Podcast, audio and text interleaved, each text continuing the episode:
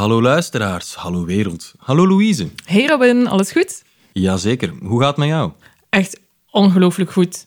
Ik heb super veel zin in de aflevering van vandaag, want die gaat over retainers. Retainers. En ik ben een grote fan van retainers. Een grote fan van retainers. Uh, vertel eens even waarom, Louise. Wel, ik vind het heel belangrijk dat je als team dedicated kan werken voor een klant. Dat wil zeggen toegewijd. Toegewijd, inderdaad. Dat betekent dat je de klant volledig leert kennen, dat je interesse toont in zijn business, dat je de concurrenten kent en dat je samen met de klant naar succes toewerkt. Oké. En in mijn ogen helpt een retainer bij die betrokkenheid.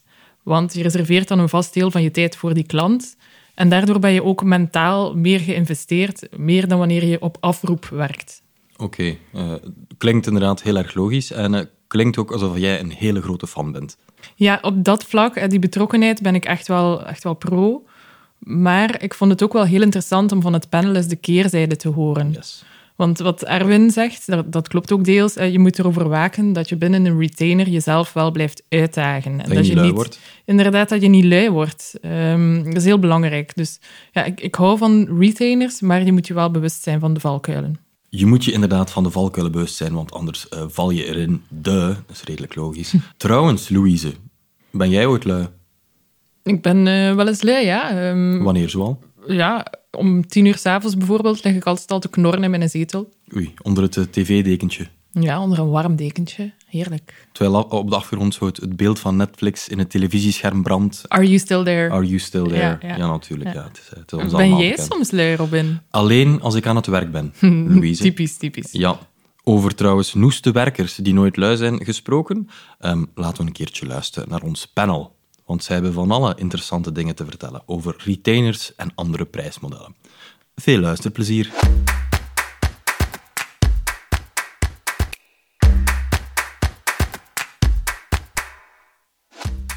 Retainers kunnen je lui maken. Je moet jezelf blijven uitdagen om het beste werk te leveren. Ja. Ja, ik weet niet of ik dat gezegd heb, maar uh, ja, er zit natuurlijk wel een kern van waarheid in. Ik denk wel dat retainers, uh, wat net ook al eerder gezegd wordt, uh, werd, een, een, een, een veel zekerheid geeft. Uh, mooi is voor de toekomst. Je, je, je, kan je agency daar verder op plannen. Je kan verder in de toekomst kijken. Uh, maar ja, het elkaar scherp houden met je klant, die, die, die balancering doen. Opnieuw checken van of we wel op dezelfde lijn zitten. Uh, ja, dat heeft ook wel deels mijn voorkeur. Ik heb het denk ik ook vorige keer gezegd. Projecten met een, met een kop en een staart is denk ik voor een klant ook prettig. In plaats van een, meteen een langdurig contract te gaan... waarin je ook niet alle risico's aan beide kanten kan overzien. dus dat, dat, dat, dat, dat heeft uh, deels een voorkeur om daar een uh, goed start- en een eindmoment uh, aan te hebben. Retainers die geven zekerheid, maar dat is niet per definitie zekerheid altijd goed. Hè? wat we al eerder hebben gezegd, kan ook zomaar zijn dat je in een retainer zit mm -hmm. met een laag uurtarief. En dat de markt verandert en dat je eigenlijk daar liever niet meer voor zou willen werken. En dat je andere retainerprijs zou willen hebben. Nou ja, dan is het dan weer lastig, omdat je dat voor een langere duur hebt afgesproken. Ja, je moet een mix, denk ik, hebben. Een gezonde mix van goede retainers als een onderstroom voor je agency, waar je zekerheid over hebt. Dan heb je een aantal ja, projectmatige commitments, hè, waar je ook uh, verantwoordelijk bent voor de outcome. Uh, maar waar je een projectbudget voor krijgt. En voor meer de detachering of het ad hoc werken. We doen niet echt heel veel detachering, maar meer de wat, wat, wat kortere opdrachten. Om die low risk uit te voeren tegen time en material. Nou, dat is voor een agency, denk ik, een super mooi model om daar een mix in te hebben. Ik denk ook dat het afhankelijk is van het onderliggende delivery model of hoe je gaat leveren. Uh, om een voorbeeld te geven, als je bijvoorbeeld een project moet opleveren met Agile, dan, dan werkt een fixed price project. Werkt niet. Hè? Dat, je kan wel fixed capacity hebben, dus een, een team hebben, een vast team hebben waar de klant voor betaalt met uh, velocity en, en, en ook een soort van output commitment rondom productiviteit. Maar om te zeggen van we gaan een agile project leveren en dat doen we voor deze prijs, ja, dat rijmt helemaal niet met elkaar, want de scope is flexibel en bewaken van scope is belangrijk, ook in projecten en retainers. Dus uh, dat is iets minder belangrijk als je time en material hebt, want dan is eigenlijk de klant moet het project beheren en die, die, die levert, wij leveren eigenlijk expertise en talent, um, maar niet de projectverantwoordelijkheid. Okay. Dus, dus, dus, bij Springbok doen jullie verschillende uh, variaties, ja. maar elk heeft zijn voor- en zijn nadelen. En zijn Absoluut. Ja. ja, ik denk dat je dat echt moet afstemmen voor het, voor het type klant, het type werk wat je doet en hoe je het levert. Dat is belangrijk om ook tot de juiste pricing methodologie te komen. Okay. De juiste, de juiste vorm voor de juiste vraag. Ja. Want een retainer eh, creëert ruimte om snel te reageren, om proactief te reageren, om strategisch te reageren. Eh, terwijl een project afgebakend is, al dan niet agile.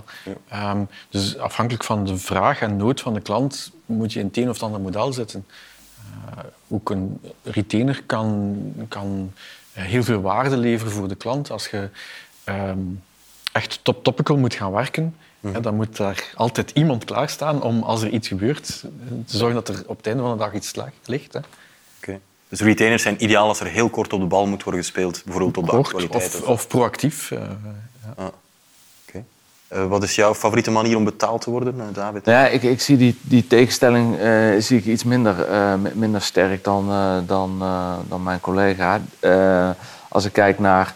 kijk, ik zie een retainer, dat is ehm, een, ja, een manier om je cashflow te, managen. Als je bijvoorbeeld specialisme als social of... Ehm, uh, of search, ja, dat, dat, dat vraagt om een retainer. Omdat ja, als, je, als, er, als er een uh, campagne om is gevallen of je moet inderdaad uh, inspelen op actualiteiten en je moet dan zeg maar, nog het commerciële proces af, ingaan en zeg maar, met grotere organisaties, ja, dan, dan, dan, dan haal je dat nooit meer. Dus, um, en kijk, retainer is inderdaad, een, vind ik ook een, goed, um, een goede manier om een heel groot project zeg maar cashflowmatig voor de klant en voor ons als agency gewoon te spreiden.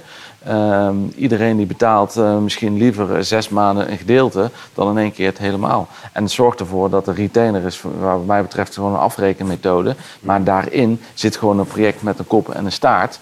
En uh, je moet, uh, ja, dat, ook al werk je op een retainer, dat ontslaat je niet eh, van de verplichting om ja, het project gewoon te draaien als, ja, als het ware een time and material project. Het gaat ook prima samen met andere modellen. Hè. Op, hetzelfde, op één klant kan je uh, retainers hebben en voor campagnes projecten definiëren. Uh, dus dat gaat ook prima samen. Ja.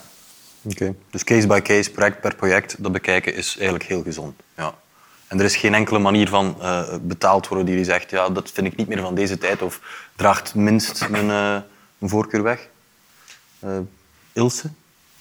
Hoe zie jij de centen uh, liefst binnenkomen in een contract met je klant? het voordeel van retainers is ongetwijfeld dat je eigenlijk je capaciteit intern goed kan plannen. Vind, vind ik persoonlijk het grootste voordeel. Dat je echt kan zeggen van oké, zoveel dagen moeten we vrijhouden voor die klant. Dus dat, dat kan perfect ingepland worden tussen al, al de andere dingen. En inderdaad, je kan daar projecten opleggen. Dus uh, ik denk, voor, bij ons is het ook een mooie combinatie van de twee. Oké outcome-based, denk ik, dat is denk ik minder uh, van deze tijd. Uh, dat is, in vorig leven hebben we dat wel uh, veel tegengekomen. Echt leveren. Dat je output commitment hebt op, op een vaste projectprijs.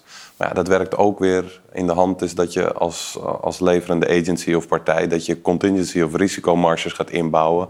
En die ga je niet teruggeven aan een klant op het moment dat het toch wel rooskleurig uh, was uiteindelijk. En ja, die risicoopslag die vinden een klant ook niet leuk. Aan de andere kant, ze willen ook, als het heel goed gaat... willen ze ook niet die premiumprijs weer betalen. Dus dat vind ik iets minder van deze tijd. Uh, en dat vind ik iets minder bij onze business ook echt passen. Aan het geknikt te zien heb ik een beetje het idee dat iedereen zich daarachter ja, kan het is, het, is geen, um, uh, het is geen exact science, dus je kan on, onmogelijk uh, voor een aantal projecten uh, vooraf definiëren wat, wat de outcome uh, gaat zijn. Ja. Okay. Het, het, lijkt beter, maar in de praktijk is het slechter voor iedereen ja. en levert het heel veel discussies op. Klopt. Dus outcome-based, dat uh, leidt enkel tot discussie en frustratie. De essentie zit in wat Erwin zegt, is um, als je een deel van het risico van die outcome verhuist naar het agency, dan moet daar een risicopremie uh, voor gerekend worden. Mm -hmm. Dat is, that, that's how it works. en klanten willen dat niet betalen. Ja. Wat ik ook snap. Ja. Oké. Okay. Dus outcome-based, daar gaan we liever niet die we niet voor... Je zei al, risico en risico spreiden. Uh, dat is ook belangrijk in de relatie tussen de agency en zijn klant dan, Bart. Absoluut. Ja. Ja, de, de, alles gaat over, over waar je legt het risico. Hè. Een van de risico's is staffing.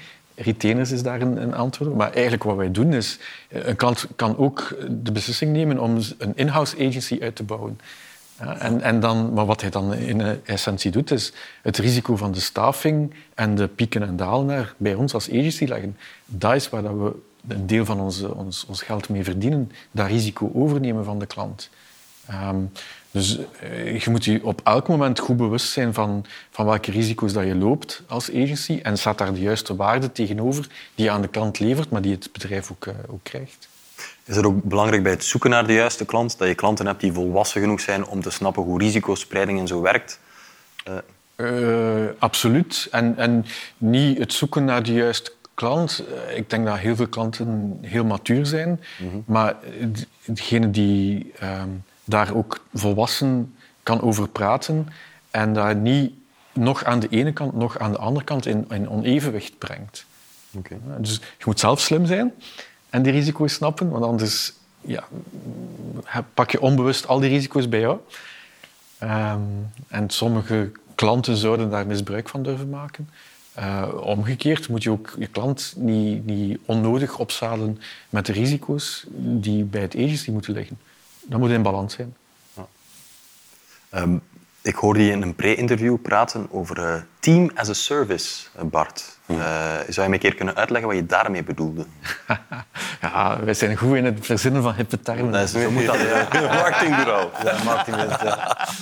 Ja. Um, is een manier waarop dat wij samenwerken met een klant. Is, is inderdaad, het, het lijkt wel op een retainer. En we spreken af hoeveel um, VTE, we over een langere periode, hoeveel mensen dat, we gaan leveren aan een klant.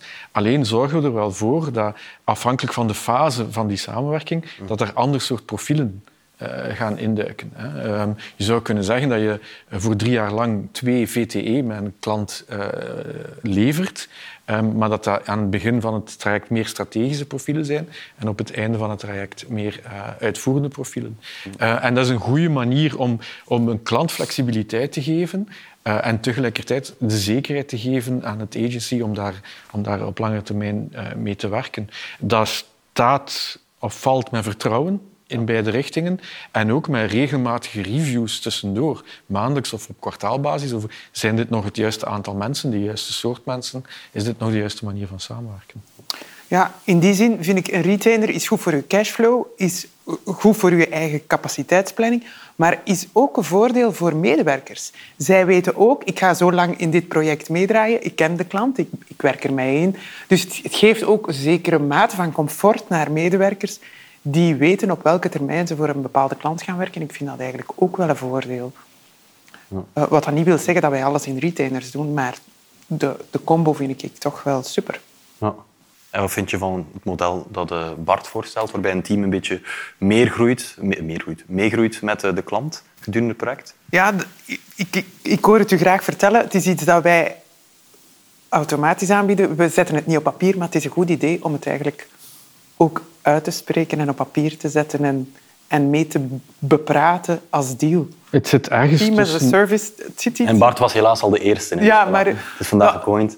Dat is niet erg. Nee. Dat is okay. het zit ergens tussen, tussen outsourcing en, en mensen plaatsen en, en projectwerking. Het zit daartussen. Ja. Um, wij beloven geen koppen, geen mensen.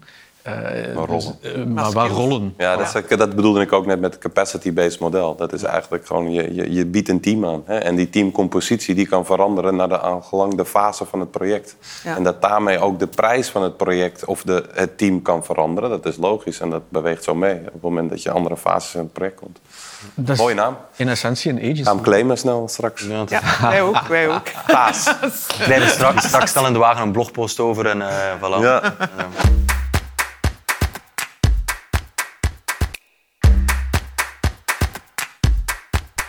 Team as a Service, TAAS.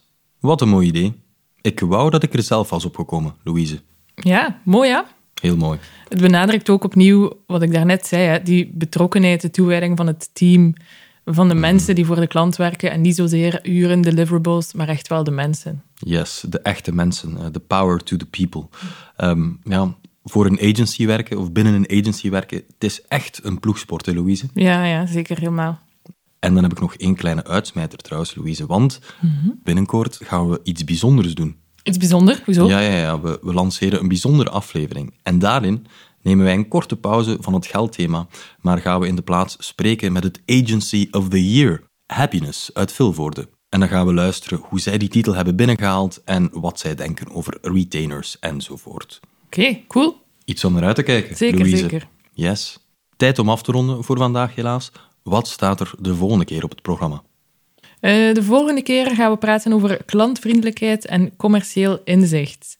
En de vraag is, moet iedereen commercieel inzicht hebben of is dat een skill die vooral voor salesprofielen belangrijk is? Je hoort het, we stellen hier enkel de juiste vragen en de moeilijke vragen bij Agency Live. Wie intussen dieper in verdienmodellen wil duiken, die kan daarvoor trouwens ons e-book downloaden en dat heet The Art of Pricing. Je vindt het op agencylive.be en agencylive.nl, zoals gewoonlijk. Bij Leven en Welzijn, tot een volgende keer. Tot dan!